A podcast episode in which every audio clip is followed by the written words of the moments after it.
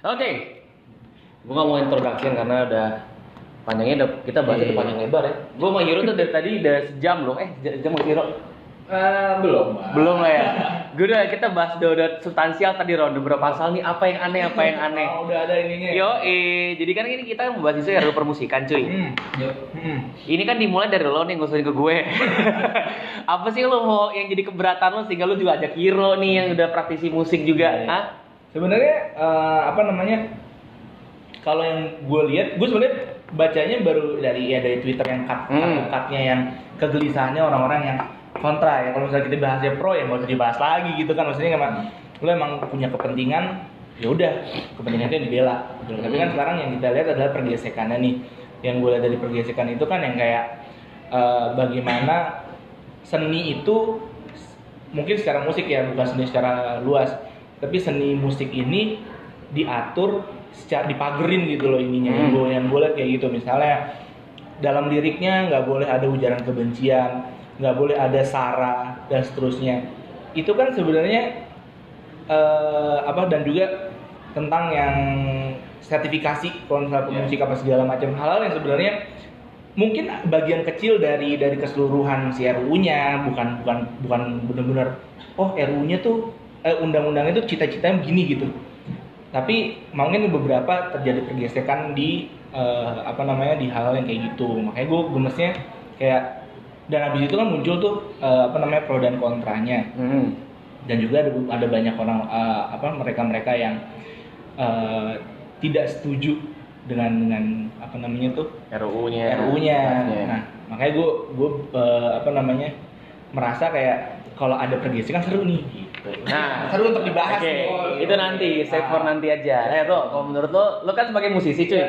lo juga yang pasti udah baca RUU-nya pastinya. Iya. gue udah, kalau gue pribadi udah cukup banyak mendengar kayak si Jering apa protesnya, Iya. terus juga Danila juga protesnya, Iya. Jason Ranti juga apa protesnya. Iya. Kalau lo pribadi protesnya sama draftnya itu di bagian mana sih? gue protes itu masalah konten sebenarnya Heeh. kenapa mereka mengatur konten Mm-mm. karena gimana ya apa yang gue rasain apa yang mereka rasain itu semua interpretasinya bisa beda Hmm. yang paling gue kontra pasti pasal 5 dong Oh iya, iya. gue mau nulis Gue bacain dulu ya. Dalam Oke. melakukan ini pasal 5 nih draftnya nih. Ya, gue ada dong. Downloadnya?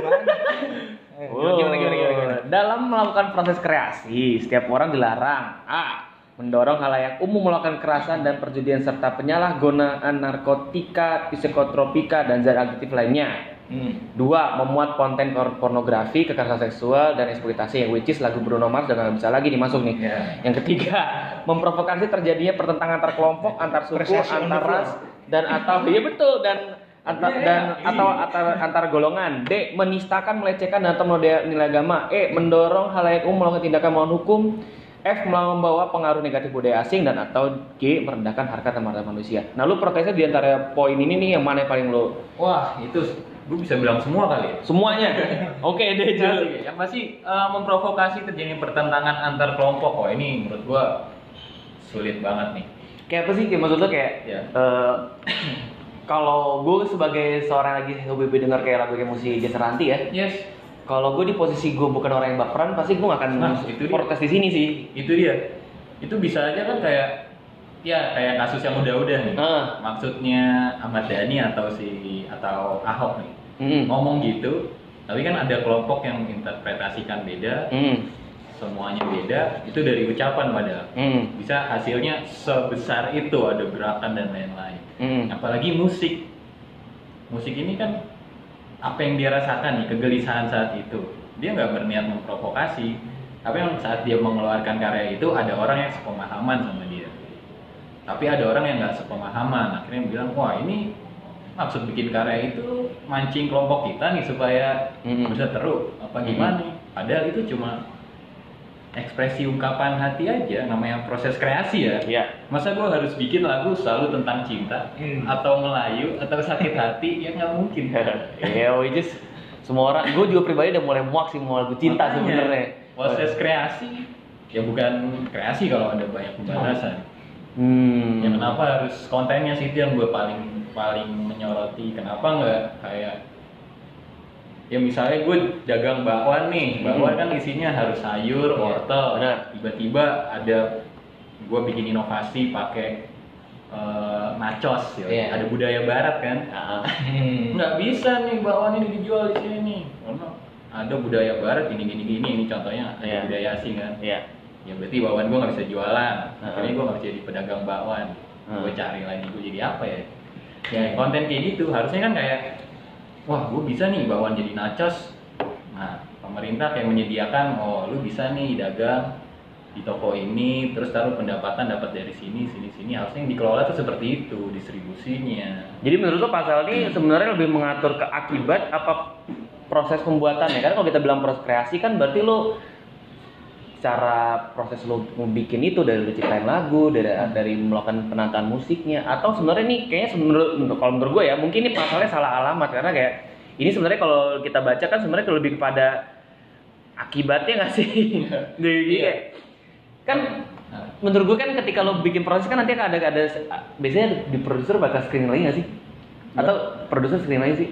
Sering gue screening kayak misalnya kayak ngecek lagi kayak ah ini kurang nih gitu ini kurang nih atau kayak kan sekarang banyak yang self label gitu kan Iya. kayak nggak pakai label lagi Ah. tapi dia kayak independen kan yes eh masih ya biasanya itu akan bakal ngecek lagi nggak sih kalau atau kayak pikir oke ini udah sangat eh, pure banget gue bakal uh, Nah, publish lagi dia. Produser pun kadang ada dua. Hmm. Kadang dia mentingin pasar, hmm. sama yang penting gue suka sama kreasi apa aja yang lu buat. Hmm. Kalau produser yang mentingin pasar, Hmm. nanti screeningnya screeningnya banyak banget. Hmm. Mulai dari lu lagu pokoknya harus 3 menit. Hmm. Di atas lagu itu lu riset orang bosan ini. Pokoknya sampai segitunya pun diatur. Ada produser yang lu keluarin semuanya. Ntar kita screening bareng-bareng. Hmm. Ada yang kayak gitu. Tapi kalau pasal ini menurut gue lebih ke proses gue berkreasi. Jadi gue di pikiran gue gue mau nulis lirik kayak gini nih, ya tapi kok nggak boleh ya? Jadi Oh, deh. Untuk gue si pencipta nih, Ah, dalam konteks mencipta. Nah itu kan dari tadi ngomongin pencipta nih, kita dari tadi belum nanya nih hero nih apa tuh? produknya dia apa sih? Maksudnya udah, maksudnya gini, eh apa namanya? Kalau kita nih kan antara temennya Hero kan tahu nih Hero pe- pemusik, tapi sampai sekarang nih udah eh, punya apa aja sih? Maksudnya kayak eh, band kah atau punya Oke. karir solo sendiri atau gimana? Ya kalau gue sih punya band, Ah. Uh, band gue bisa dicek di Spotify ya. Iya. Wih, Apa apa, namanya? Apa namanya? Namanya Six Sounds Project. Oh, iya, Itu iya. gue udah bikin Ah. album, ya sempat kerja sama sama label Hmm. dan akhirnya gue memutuskan Berapa lama Ro sama label? dua tahun Dua tahun. Oke. Satu album atau jadi satu album, satu album? satu album dengan promo dan gue memutuskan tidak perpanjang. Mhm. Akhirnya sekarang gue masih ngumpulin materi. Yang lagi gue jalanin sekarang pencipta lagu. Terakhir gue nulis lagu buat Gisel. Wah, yang mana udah keluar? Udah keluar. Oh, udah keluar. Judulnya dengar curhatku lagi. Oh, itu. Itu udah muncul di YouTube. Udah, Kapan, eh, kapan, Iya, itu iya, kapan iya. sih? Oh, itu Publishing? 2000 tahun ini ya? Eh tahun lalu. Wow. Tahun lalu. Tahun lalu ya? Oke oke. Wow. Tapi sebelum Gisela cerai apa sebelum cerai? Eh gara-gara itu deh. Gara-gara itu. Gadingnya denger. Gadingnya denger gitu.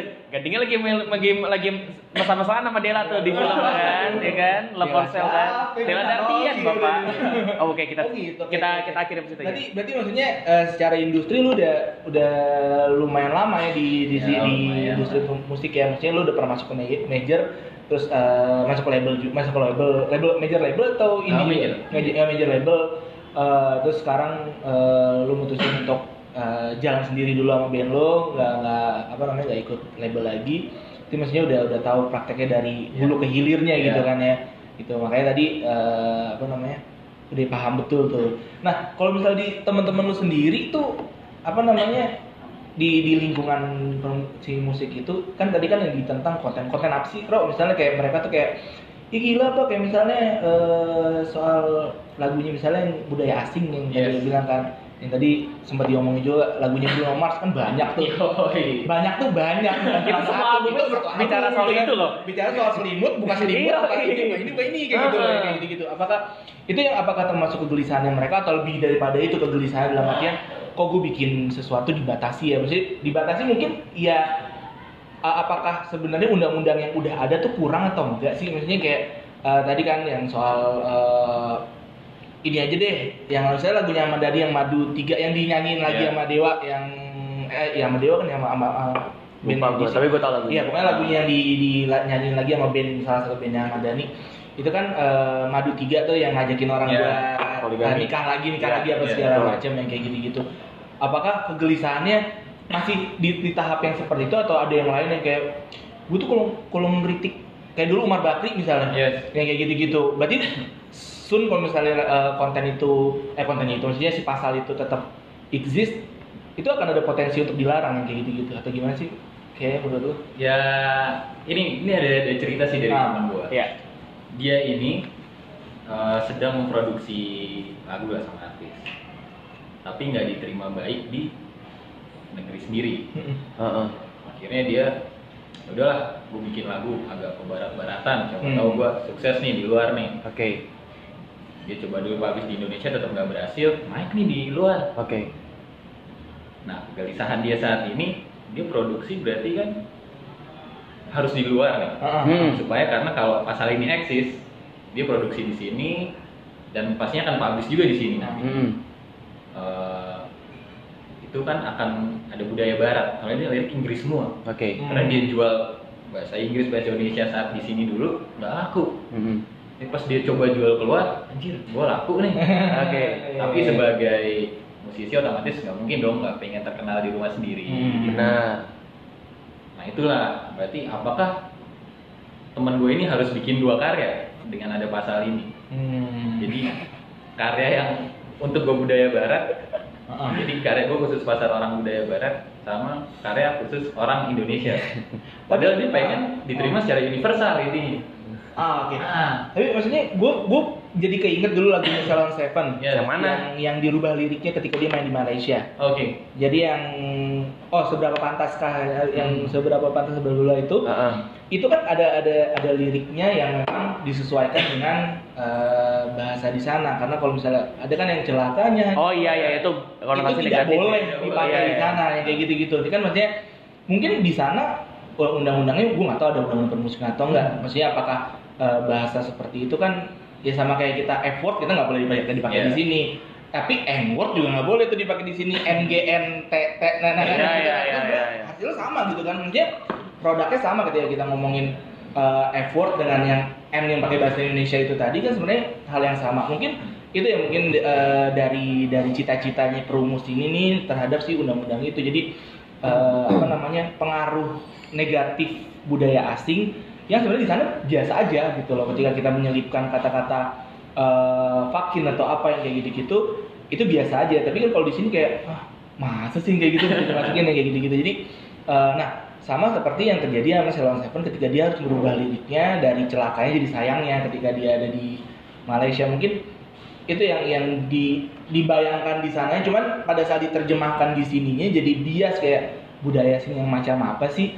Yang yang negatif sekarang kalau misalnya kita mau lebarin dikit aja misalnya gini. Budaya yang free sex misalnya. Budaya asing tuh. Semua lagunya Bruno Mars ada urusan sama free sexnya. Kan nggak pernah dibilang marriage dulu baru nikah. Eh marriage dulu baru melakukan perbuatan itu kan nggak ada kan nggak pernah diomongin yang kayak gitu. Iya. dari semua lagunya Bruno Mars nggak ada yang kayak eh, lagunya paling betul akad baru akad terus marriage dan segala macam wah diterusin tuh sampai ke belakang baru boleh kayak gitu. Kan Aha. ada tidak ada tidak ada pendidikan eh, konten pendidikan di situnya. Iya.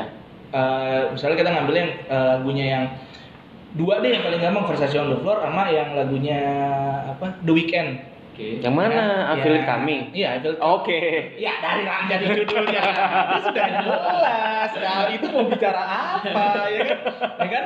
I feel it coming, feel apa di dalam di segala macam. Nah, itu di sana eh, dibilangnya itu budaya eh, barat yang negatif ketika dibawa ke sini. Tapi secara undang-undang di kita ketika kita bilangnya ada laki-laki dan perempuan tidak menikah dalam satu ruangan dan melakukan hubungan seksual, budaya eh, negatif gak?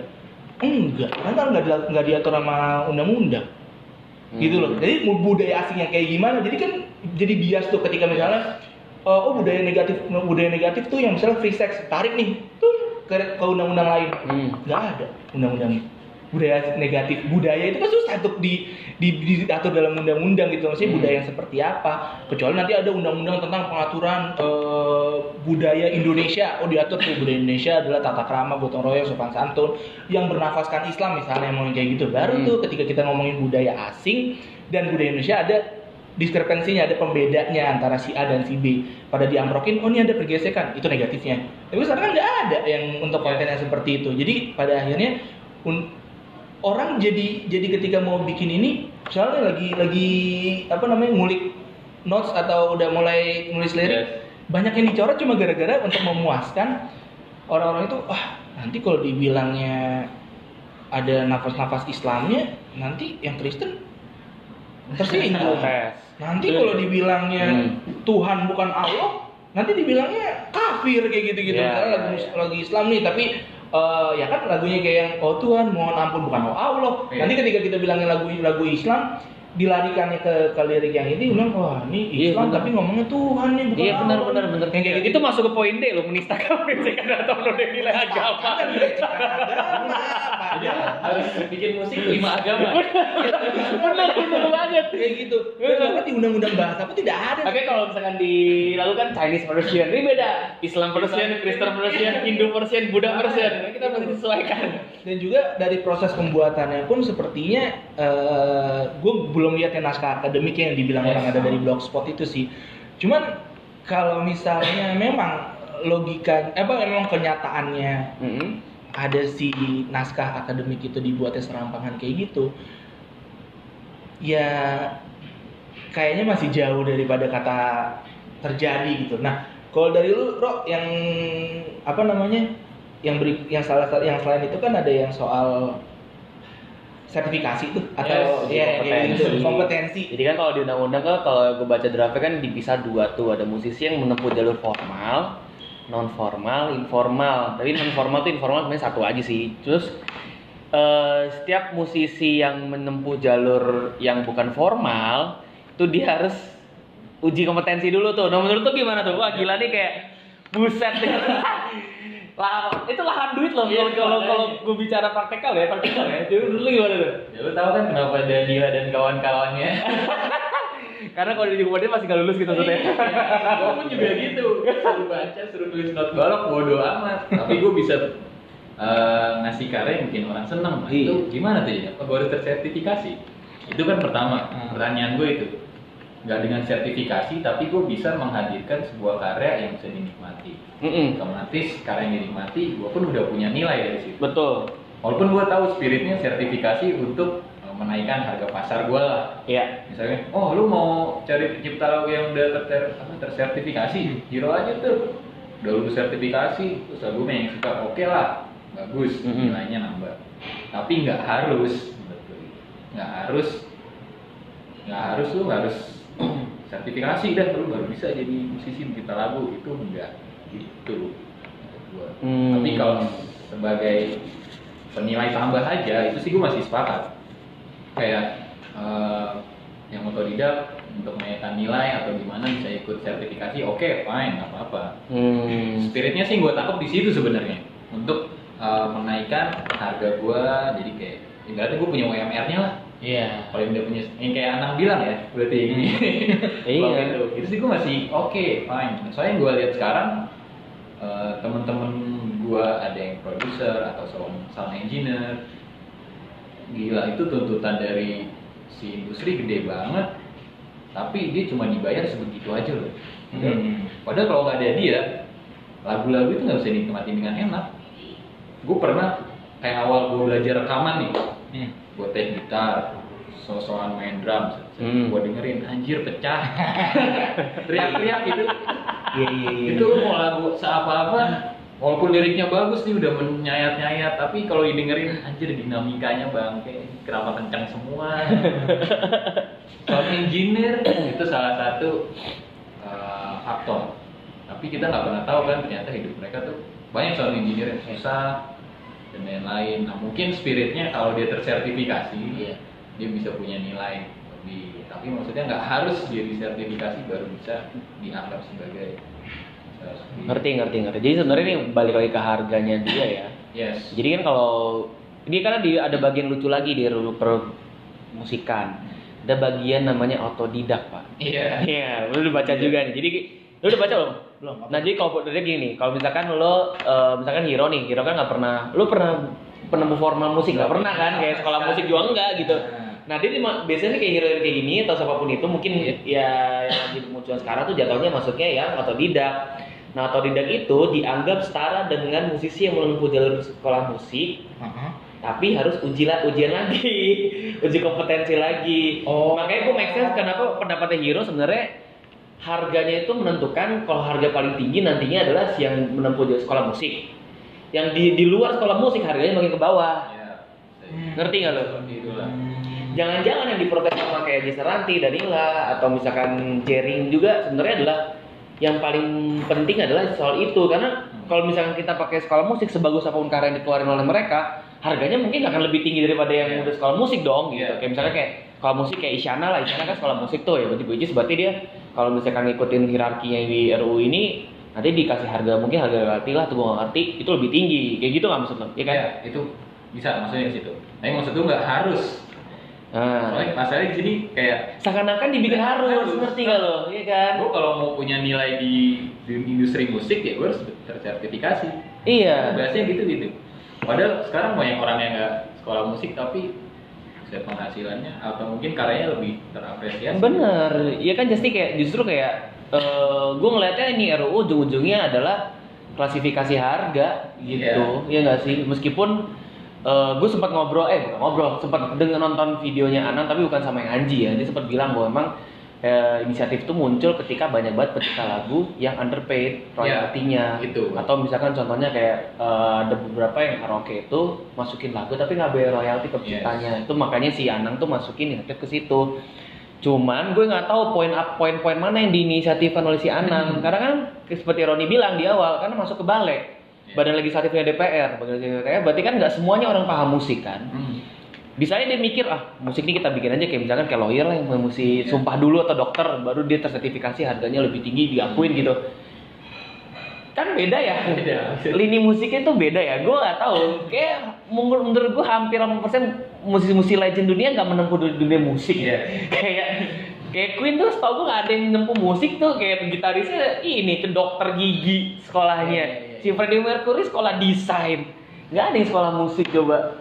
Itu soalnya itu kalau kita bilang ini kan masuk seni ya Mm-mm. proses seni itu nggak bisa kayak lo harus tahu teori harus tahu apa lo pasti punya karya bagus itu nggak Mm-mm. mesti kalau kita kalau kita ya kita kuliah hukum nih lo. Hmm. teori lo cakep ini lo cakep ya udah lah logika hukum lo nyambung Bener. tapi kalau seni teori lo cakep lo cakep tapi lo nggak punya pengalaman Hmm. saya lo mau nulis lagu sakit hati nih tapi Hmm. nggak punya pengalaman sakit hati ya nggak bakal nyampe Bener. tapi ada orang yang nggak sekolah apa tapi dia kerjanya sakit hati mulu Mm-mm. nulis gitu gitu lebih kena pasti itulah namanya seni ya Iya, jadi jatuhnya seni itu jadi diformalkan gue lihat Nah, sih. iya. Karena kayak karena RUU tuh mengharuskan semua uji kompetensi itu seharus Red. kayak ntar lo baca deh di ada pasal 32 Iya, iya. Gua, gua kasih lo PR aja baca ya pasal 32 untuk diakui sebagai profesi pelaku musik yang berasal dari jalur pendidikan atau otodidak harus menem- mengikuti uji kompetensi.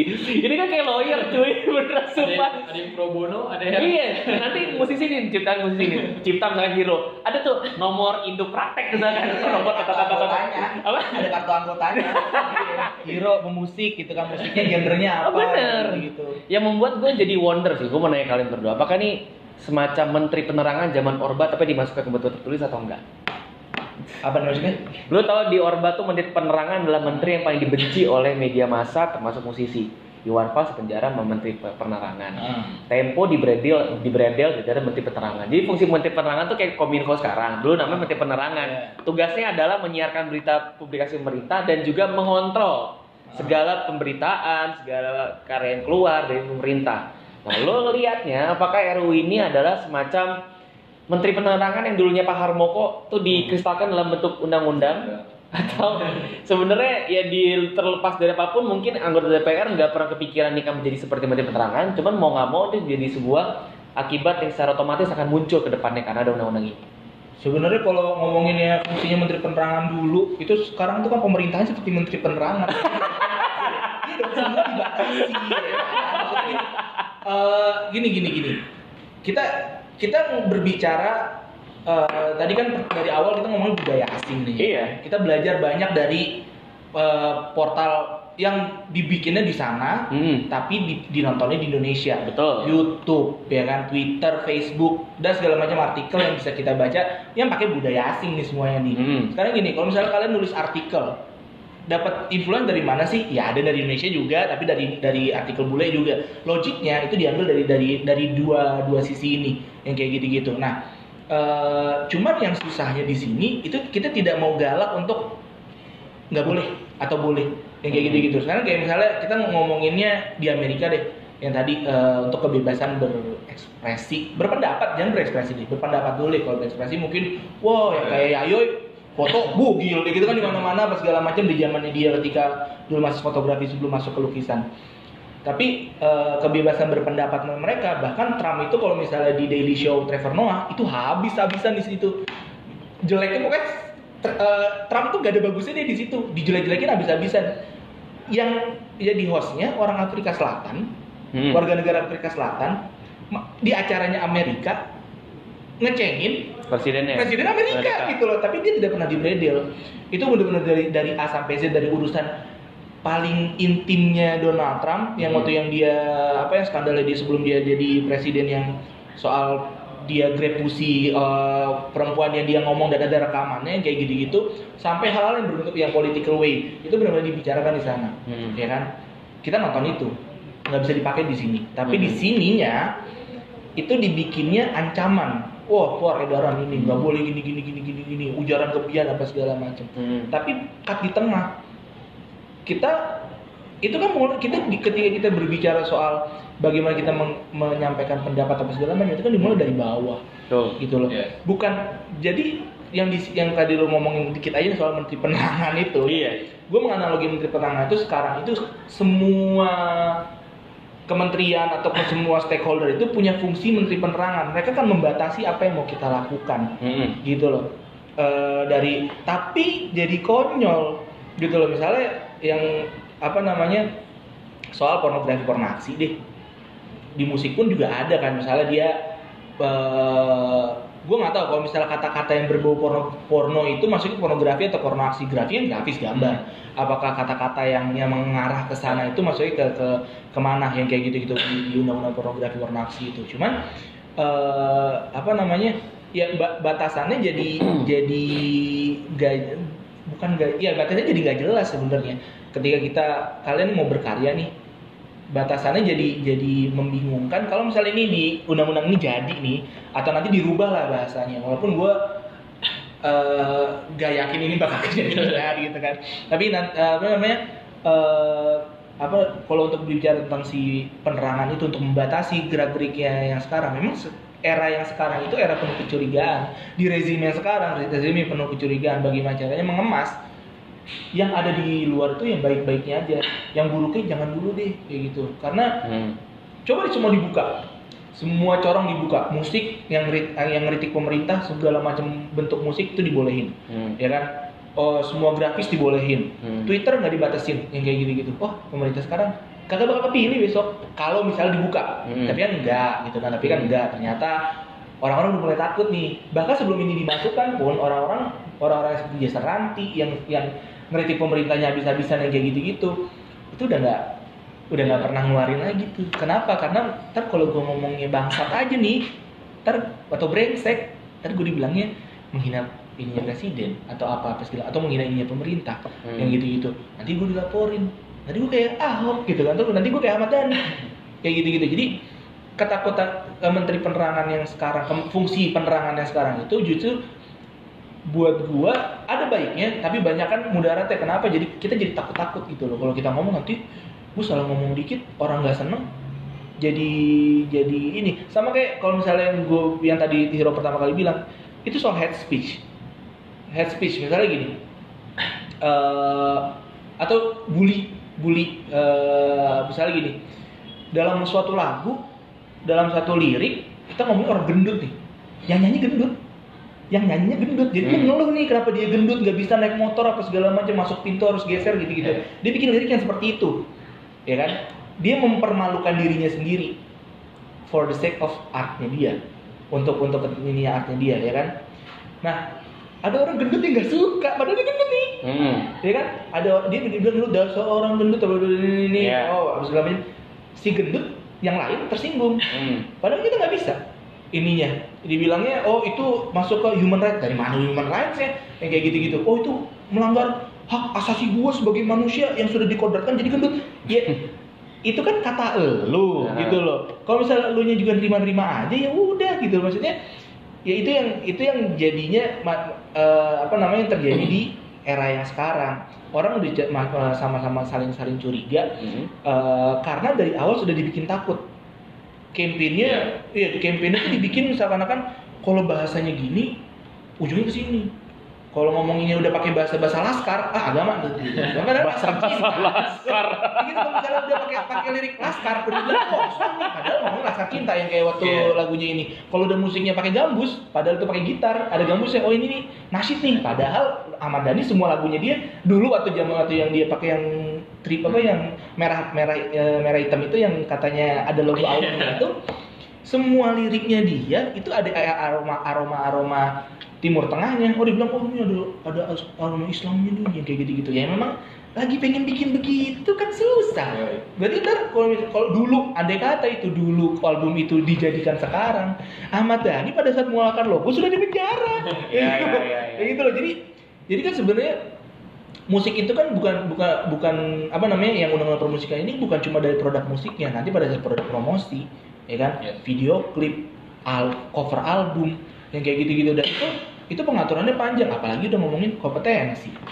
Ngomongin kompetensi sekarang gini gue sama Hiro kerja di bank ya kan? Ada tuh kompetensi lembaga yang ditunjuk untuk itu. Itu juga panjang tuh. Ada yang ada lembaga yang bisa dibekukan karena tidak sesuai dengan ininya besok Hmm. dimunculkan lagi. Kita kan Hmm. jadi bias misalnya. Dalam perjalanan gue baru gue mau jadi orang musik nih ya kan? Ya. atau tidak kan tadi nggak sekolah. Atau tidak. Terus eh, gimana caranya nih gue mau masuk ke eh, label? Label bikin aturan SOP-nya dia. Yang boleh masuk labelnya dia hanya untuk yang berkompetensi yang punya sertifikat nih. Wah bapak musiknya bagus sih pak. Tapi tidak bisa karena Iya. bapak tidak berkom- tidak ada sertifikat kompetensi dari lembaga musik Indonesia LMI misalnya ya kan atau lembaga kompetensi musik Indo- LKMI misalnya kayak gitu gitu Ketuanya Anang. Oh, nilainya aku jadi ya? menteri. Anak itu jadi menteri, pengakarsanya nah. Kan dia nggak nyalonin lagi nih. Iya makanya Iya, mungkin jadi iya. ketua itu bisa jadi. menteri. Iya, kan nah, nanti kan datang nih ke ke manajer eh, label. Oh, apa nggak bisa nih Pak kalau misalnya kayak gini nih harus eh ini SOP-nya kita gini gini gini. Padahal musik bagus banget gitu. Hmm. Terus akhirnya eh, apa namanya? Dia ikut nih ke LMI yang tadi lembaga musik Indonesia tadi bukan LKMI. During momen itu ternyata LMI dibukukan. Dia udah melakukan uji kompetensi, dia udah udah melakukan training dulu. Biasanya sebelum uji kompetensi Iya. dia training dulu tuh, Ro. Iya. ya kan? Sebelum sebelum uji bener lah. Jadi sebelum uji kompetensi Salah ada lu apa nih? Lu Pelatihan. lu nggak tahu, arah, arah pikiran lu nih asarana cari duit apa sarana Oh, itu untuk nanti. nanti. Itu nanti. Mungkin ada uji kompetensi ataupun training uji kompetensi yang tidak pakai Tidak, tidak pakai tidak. duit ya kan pasti ada materinya apa segala macam ya kan pasti ada pendidikannya mau tiga hari mau seminggu mau sebulan mau setahun tapi ada Aha. tuh paling tidak ada kurikulumnya gitu. Ada iya, kurikulumnya. iya. kita ngomongin apa ngomongin kalau misalnya advokat ada per- apa pendidikan PKPA ya Iya. sampai akhirnya kita udah punya kartu ngomongin eh, bank BSMR Iya. eh, level 1 level 2 level sampai level 5 training dulu baru tes. Memang tidak harus melewati training kalau di kalau di BSNR, tapi Hmm. gimana caranya kita tahu tesnya kalau nggak ada trainingnya kan kayak Hmm. gitu. Berarti harus ikut trainingnya. Sama kayak uji kompetensi. Kita masuk uji kompetensi. Oke lah, misalnya oh tidak perlu tuh Pak eh, ikut tes, tapi lebih baik ya udah berarti ikut tes tuh kayak gitu loh Hmm. supaya lebih gampang lulusnya. Nah, eh, habis itu dalam during dia pelatihan itu supaya masuk ke supaya masuk ke kompetensi bahwa pasti nanti ketika ngomong uji kompetensi kurikulumnya bukan cuma seni marketingnya juga ada yang kayak gitu-gitu eh, sales juga ada nggak mungkin tuh cuma kompetensi Iya. itu berarti ketika dia turun ke industri ketika dia turun ke masyarakat dia udah siap untuk semuanya bukan bukan cuma ga- gambaran gue ya ketika ngomongin kompetensi dalam bidang musik gue walaupun gue bukan musik bukan pemusik tapi harusnya standarnya kalau misalnya kita mau bicara pakai regulasi ini standarnya sama bicara kompetensi bukan cuma apa yang kita bisa lakukan apa yang di apa yang produknya tapi keseluruhannya bahwa dia bisa jualan buat dirinya sendiri. Berarti kan dia harus tahu bagaimana ngemas liriknya, bagaimana dia memainkan musiknya dan seterusnya. Gue juga nggak tahu tuh nanti kompetisi dibagi sama genre lagi nggak. Berarti ketika lo dapet kartu Genre rock, genre ya pop. kan? Eh, genre pop. Jadi kalau misalnya mau ngambil lagi uji kompetisi lagi, gitu kita nggak tahu tuh yang kayak gitu apakah Ah. iya atau tidak.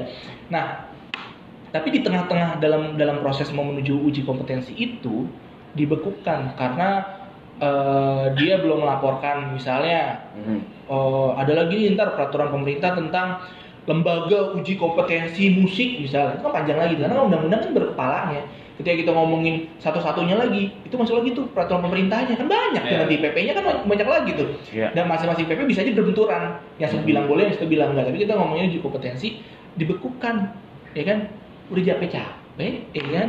Yang ini dari dari, dari label dan nungguin kagak jadi. Oh pada saat ini udah jadi nih tek gitu kan. Wah bapak bikinnya kapan nih pak? Wah ini sebelum sebelum surat edaran nih nggak bisa pak. Gitu kan. Ini di, di hold dulu ya di hold dulu nih. Akhirnya apa? Industri jadi in- yang mau dia lakukan jadi jadi terpospon. Padahal dia dia sudah siapkan materi dan di portal lain dia tuh udah banyak tuh followernya. Hmm. kayak gitu. Yes. Nah, pertanyaan berikutnya kalau misalnya yang tadi masalah uji kompetensi dan seterusnya yang ada di undang-undang ini, ini berlaku di mana? Banyak kan orang-orang yang cover followernya, eh apa subscribernya atau followernya atau apa pun itu namanya, itu udah sampai satu juta misalnya. Dan industri dia Ya, juga. industri dia udah jalan, AdSense udah masuk, ya Yes. kan? Da- nah itu gimana tuh ininya? Itu kan jadi jadi jadi pertanyaan tuh kalau misalnya kita ada dua lembaga, yang satu punya Amerika, kita taruh di sana, dan situ udah punya pasar di sana, kan jadi pecah. Jadi bisa jadi, jadi dipertanyakan. Sekarang itu promosi mudah sekali. Kita nggak usah masuk ke industri yang kita pakai kaset atau pakai apa. Lo masuk ke Jux, emang Jux lo bakal dibukuin kan enggak? Gimana caranya? Nah, itu menarik tuh. gimana caranya Jux, iPhone apa iTunes ataupun Iya. eh, ini eh, portal-portal musik itu ataupun di YouTube sekalian, ketika lo posting itu di sana, itu sudah jadi industri. Mm-mm. Nah ini undang-undang ini kan nggak ngebantu gitu. Nah, itu kenapa gue mau nanya sama lo nih. Kalau base di praktekal kan di praktikal eh, band lo, lo kan ada di Spotify juga Yes. kan? Di Jux ada kan berarti? Di, Di YouTube juga ada. Ya, di YouTube ada. Nah, biasanya eh, lo tuh agak sih komersial. Lo mendapatkan pendapatan penghasilan dari platform tersebut, sistemnya kayak gimana sih? itu tuh sebenarnya kalau Apakah gue sekali setiap denger nih Iya. dihitung atau gimana gitu? itu per play. Per Jadi play. biasanya label itu uh, ngasih lagi ke publisher Mm-mm. yang punya uh, ya penerbit lah kalau gue ya, Mm-mm. yang punya link ke channel-channel store, Spotify dan lain-lain. Mm-mm. Ada tarifnya per play Mm-mm. untuk uh, premium account. Hmm. Kayak Spotify itu 0,064 dolar apa lupa. Oh. Nolnya banyak banget depannya. 0, 0, berapa? 0,000 Oh, gua nolnya berapa woy? Oke. Tapi 64 do- dolar per play. Dari tarif segitu eh, untuk pembagian sama peserta lagu kayak gimana? Apa Eh, memang dipisah. Spotify atau lo sendiri yang bakal ngepisah sendiri? Pokoknya udah di kontrak itu udah udah jadian. Hmm. Pokoknya biaya publisher dulu beres terima bersih Hmm. untuk kita berapa itu baru dibagi dua Oke. gitu. Itu untuk eh, single-single gue yang udah ada di Spotify Heeh. berapa. Kayak gitu dan tuh biasanya dia ngasih laporan per tiga bulan. Oke. Dan laporan itu baru bisa muncul setelah duit di publisher itu terkumpul 50 dolar. 50 dolar lah.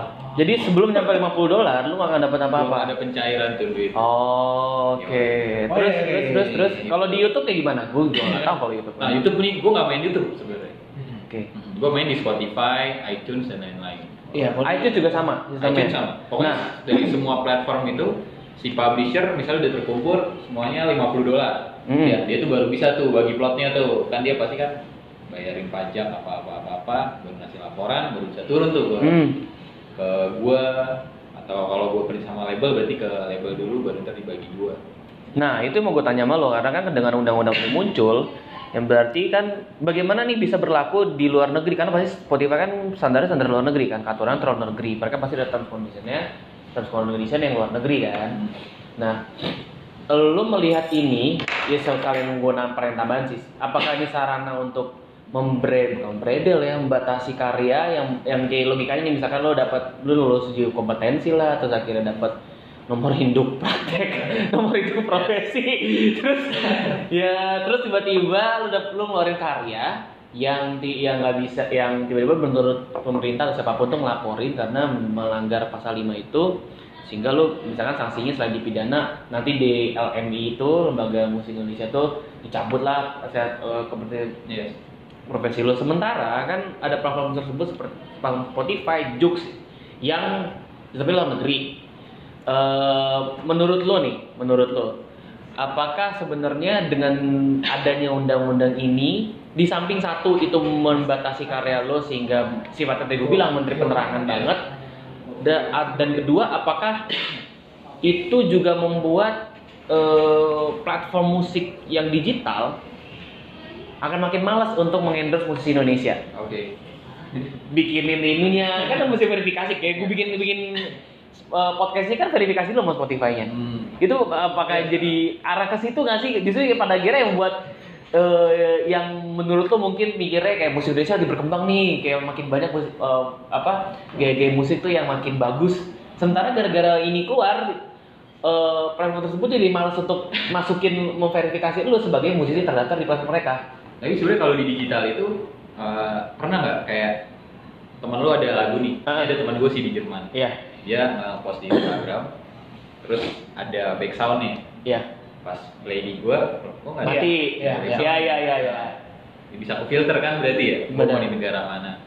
Cuma yang gue pertanyakan itu sebenarnya berarti gue harus buat karya ini di luar negeri nggak sih apa kalau misalnya gue buat karya di sini terus gue publish di luar nggak masuk ke Indonesia nggak bisa ke play di sini itu gue nggak melanggar apa gimana atau benar-benar dari mulai menciptanya itu yang udah berbau pornografi itu gue harus di luar pasar di luar nah itu kan cost lagi Iya. sebagai musisi.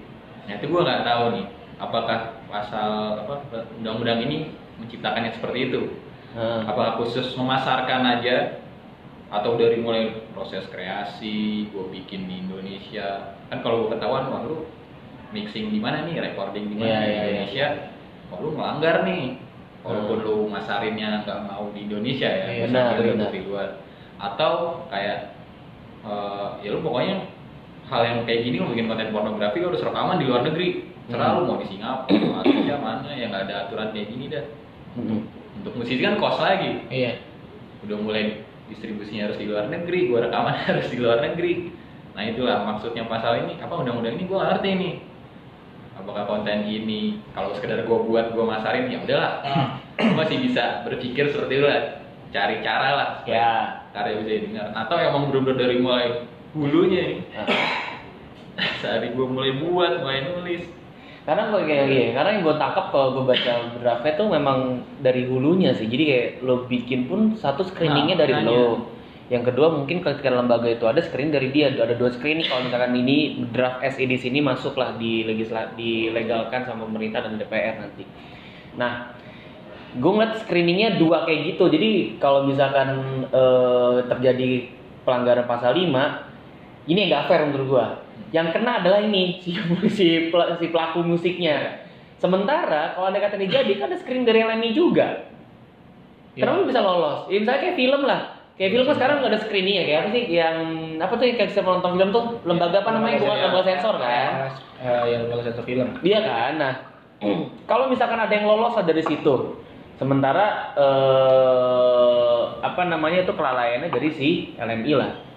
Masa dia nggak kena juga? Itulah. Itu jadi pembahasan untuk lain hari lah ya. Cuman yang satu hal yang membuat gue juga bingung adalah kalau kita bicara eh, peraturan yang seperti ini, gue penasaran tuh nanya sama lo juga, Ro. Apakah sebenarnya musisi itu adalah profesi yang seharusnya terdaftar resmi berlisensi seperti layaknya lawyer atau Iya. dokter atau notaris atau siapa sih kayak eh, apalah gitu ya karena sifatnya seni atau enggak atau sebenarnya bahwa nggak pa- nggak nggak nggak pas nih kalau misalkan musisi tuh masuknya sebagai profesi ter- terlisensi. Karena sebenarnya gue nggak tahu musisi ada asosiasinya nggak sih? Asosiasi. paguyubannya apa sih gue bahasa sih? Asosiasi kalau ya kalau kalau aktor kan ada tuh Parvi kalau salah. Iya. per, eh, Parvinya Indo- aktor Indonesia. Jadi yang men- men-screening itu yang menjaga itu ya Parvi nah kalau musisi harusnya apakah dibikin sama seperti kayak sistem pekerja seni ada asosiasi? Atau ya jatuhnya profesi karena kalau gue tahu di draftnya tuh menganggap sebagai profesi yang harus terlisensi dengan lulus kok uji kompetensi Yes. gitu. ya kalau menurut gue sih ya gimana ya namanya seniman ya Iya.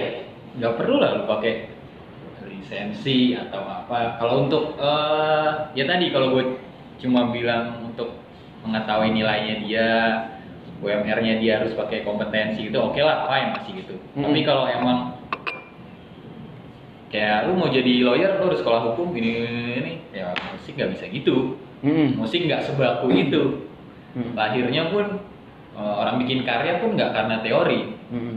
beda kalau lawyer kan ada putusan karena dasarnya teori atau pendapat-pendapat hukum lama tapi kalau lu bikin eh, karya Iya.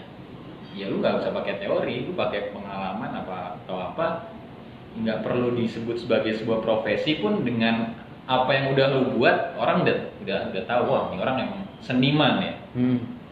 seniman di bidang musik.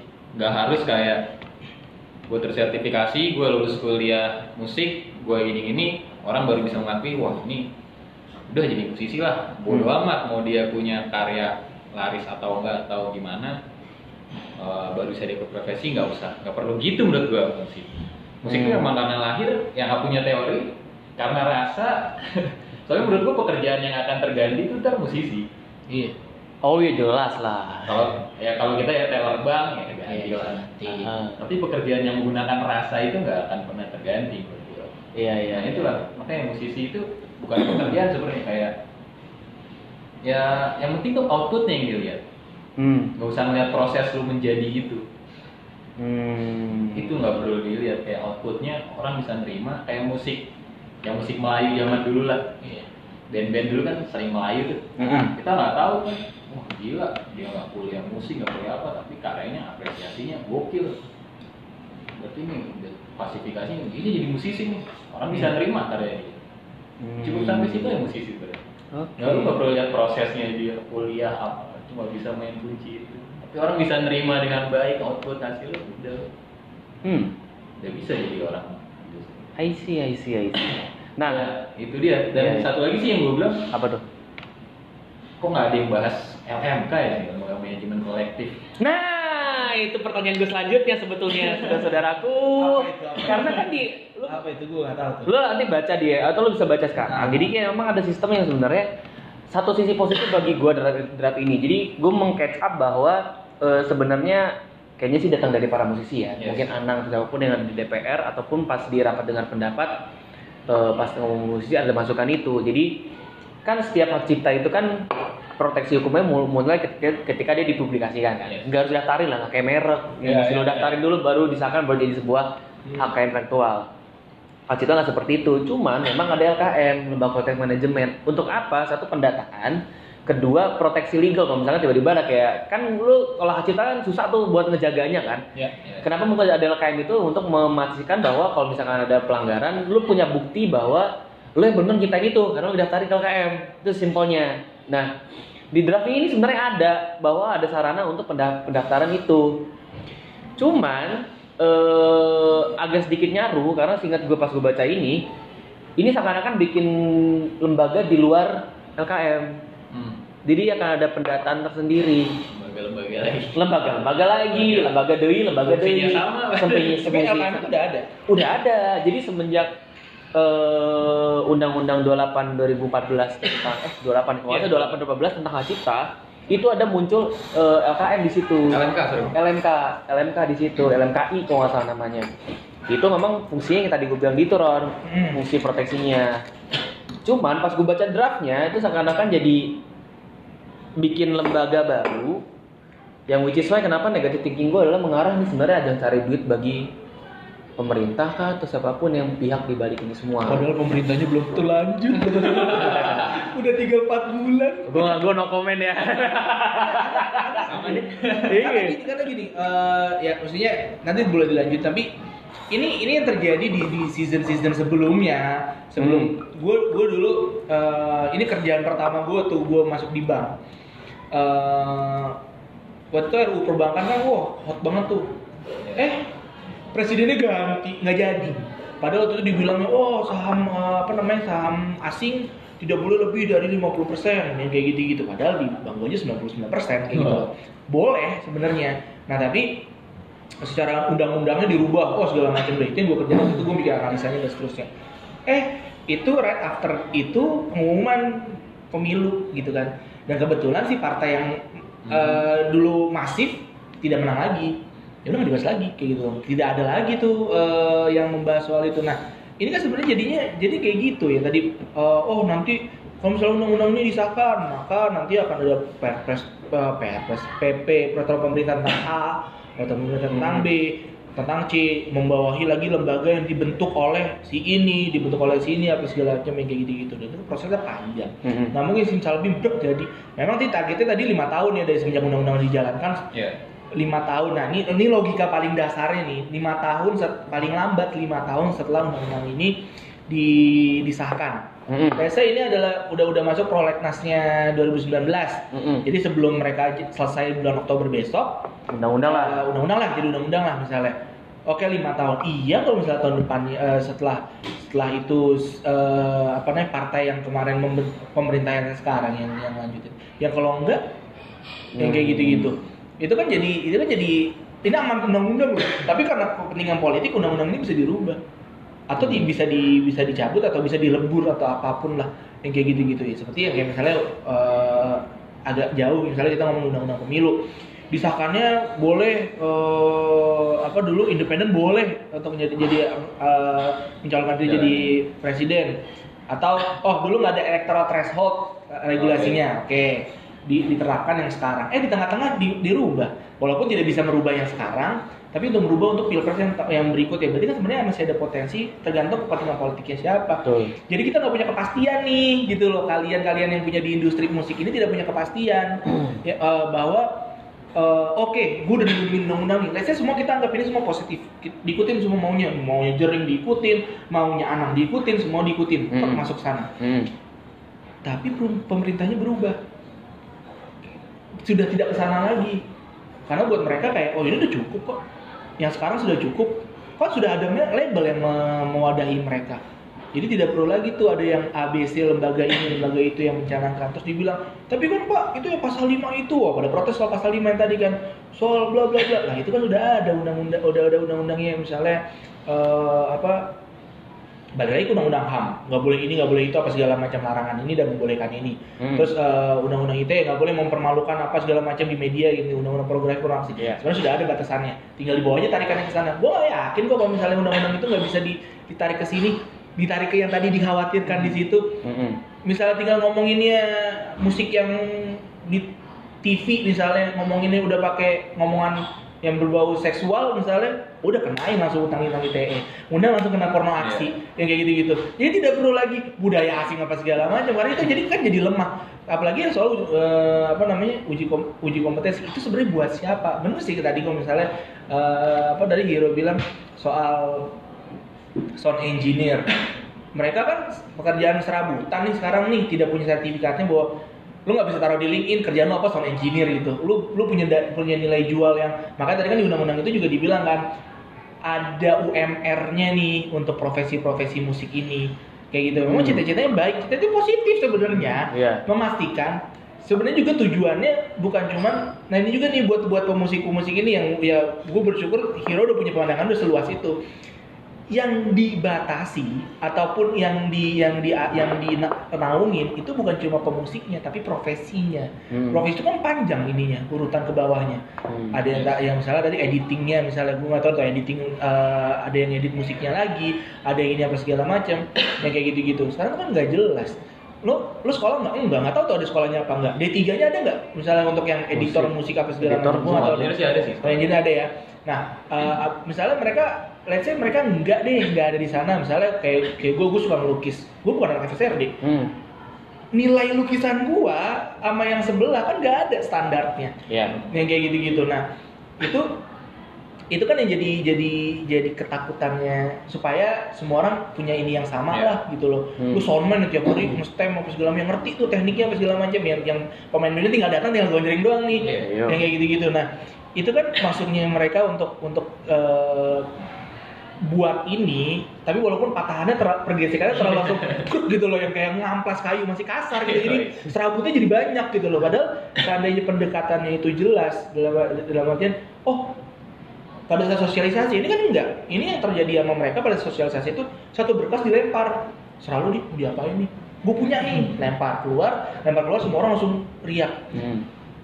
itu kan semangat undang-undang nggak begitu mensosialisasikannya. Menyampaikannya tidak seperti itu. Kalau mau di- di- diajak pendapat yang pro yang mana yang kontra yang mana? Panggil orangnya. Kayak gitu loh. Panggil orangnya atau baca dari dari dari ini apa segala macem udah diamprokin. Oh yang kok yang pro udah jelas-jelas sudah oke. Mm-mm. yang kontranya panggil duduk di, di DPR mau dimaki-maki kayak yang yang lain-lain kayak hak angket lah apa segala macam di di, di meetingin di dalam satu sidang mau dimaki-maki tuh eh, apa namanya eh, komisinya terserah tapi di dalam situ. Ini bukan malah dikembangin di dalam media. Oh panggil anak ngomong ini di sini anak ngomong ini di sini. Bulan ikutan ngomong apa segala macam. Jadi gua nge-tweet mulu kerjaannya. Jadi nggak pernah muncul di kenapa dia mau main di Twitter? Dia tidak pernah muncul di mana-mana gitu kan. Pernah- baiklah. tidak pernah berbicara berbicara outspoken yang seperti itu. Nah, itu kan itu kan ini kan jadi jadi jadi jadi riak di masyarakat gitu loh. Itu yang itu yang kekhawatirannya padahal sebenarnya cita-citanya mungkin baik. Mungkin baik. Maksudnya eh, standar profesinya yang apa namanya? Yang kurang. standar profesinya yang harusnya diinin karena ya bukan pemusik ya mungkin ketika lo udah punya follower misalnya atau apa nah gue kemarin tuh ada tuh yang Afif Kila atau siapa gitu Hmm. Afif Kila yang followernya eh subscriber udah sampai satu juta Hmm. ya kan dia musik dia nge-cover mulu nge-cover bos. Berarti kan ada penulisnya kan harusnya dapat adsense juga Iya. tuh. Tapi enggak. Itu Iya, kan iya, gitu, gitu. iya. nah penciptanya yang mau kita lihat lagi. Maksudnya mereka dapat duit nih tapi dari cover. Penulisnya kena nggak dari adsense itu? Belum tentu. Mungkin itu yang harusnya dari undang-undang si unsur promosikan ini. Karena kan produknya akan banyak. Yes. kalau misalnya kita dengerin satu lagu aja yang kebayang di kita itu kan paling gampangnya penyanyinya yang main alat musik ya kan? Pencipta lagu editor apa segala macam kadang-kadang nggak kebayang. Hmm. walaupun sebenarnya di belakangnya dapurnya lebih banyak lagi tuh ininya. Iya. nah sebenarnya kan yang dilihat itu bukan yang ada di depan bukan kayak Adam Levine-nya yang dilindungin kalau mereka terlalu fokus yang gimana gimana mereka tuh udah kaya.